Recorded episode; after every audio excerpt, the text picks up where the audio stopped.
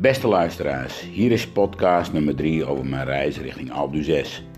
In podcast 1 ging ik in op de aanleiding voor deze uitdaging en mijn ziekte.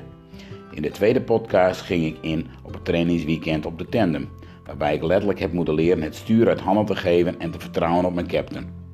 In deze derde podcast ga ik in op het starten van het vormen van teams en de eerste bijeenkomsten en de eerste geldwerfacties. Op 8 oktober hebben we ons officieel ingeschreven voor Albu 6 en ben ik begonnen met het aanmaken van een eigen actiepagina.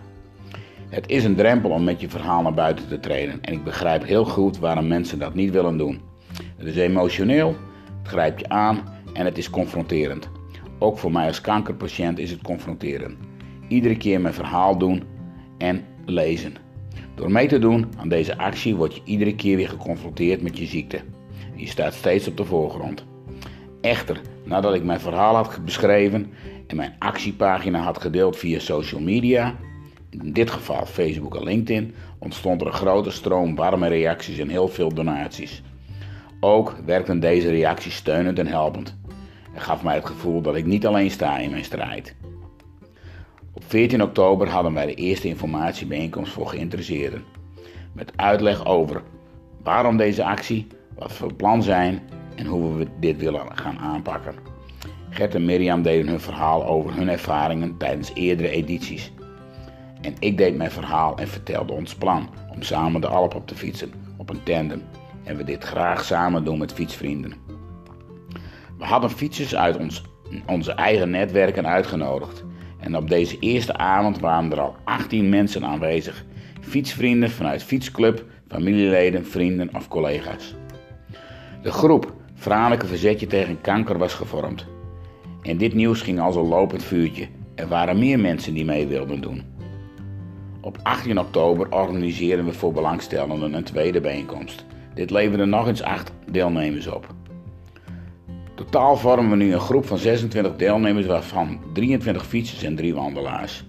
Mijn hele gezin, mijn twee kinderen en mijn vrouw doen ook mee. Maar ook mijn broer, vrienden en leden van de fietsclub en contacten uit onze netwerken. Ook voor mij onbekende mensen gaan mee. Hoe mooi is dit?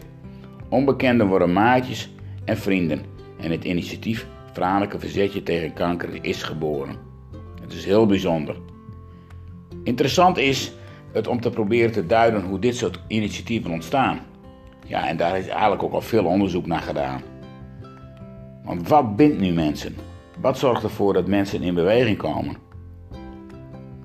Een sterk motief om samen de schouders eronder te zetten.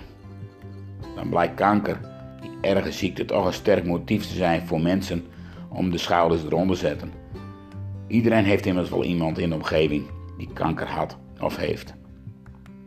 Uit theorie blijkt ook, als je gezamenlijk een doel hebt om voor te strijden en gezamenlijke waarden, dan is dat een sterke basis voor het vormen van een community of een groep.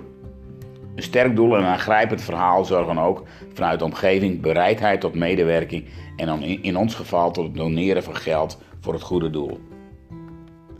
Want wat een prachtige startbijeenkomsten hebben we gehad in de kantine van Albert Heijn hier in Franeker. En wat een warme reacties van de mensen die tijdens de bijeenkomsten aan hebben gegeven met ons de uitdaging aan te gaan. Maar ook prachtige reacties van supporters die niet mee kunnen naar de Alp, maar die ons supporten door te doneren, materiaal beschikbaar te stellen of die een medewerking willen verlenen tijdens acties en activiteiten die we gaan organiseren. Want wat een creativiteit! We gaan iedere maand een collectieve actie doen. Een greep uit een gezamenlijke actie. Een flessenactie bij Albert Heijn. Een hardloop-event. Een muziekfestival. Een ladies night met bingo. Een mannenavond. Een 24 uur spinningmarathon. En een familiefietstocht. Daarnaast organiseren de 26 deelnemers ook nog een individuele sponsoracties in hun eigen netwerk. Op het werk, bij familie, vrienden, bij de sportclub Vandaag, op 23 november 2019, hebben we al dik 16.000 euro binnen, sinds begin oktober. En dan moeten de gezamenlijke acties nog beginnen. Inmiddels zijn er vanuit de groep ook mensen gestart met het coördineren van gezamenlijke acties. Mooi hoe er een heuse organisatie ontstaat. Een organisatie die nadenkt over sponsorwerving, wervingsactiviteiten, sociale mediastrategieën. Dat geeft maar aan hoeveel power en energie er zit in een groep met een sterk gezamenlijk doel. De meerwaarde van samenwerken wordt hier ook maar weer aangetoond.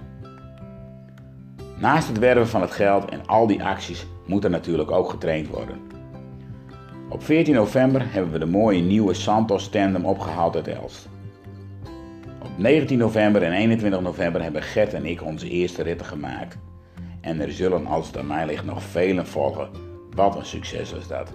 In mijn volgende podcast wil ik nader ingaan op onze avonturen tijdens deze trainingen. Bedankt voor het luisteren.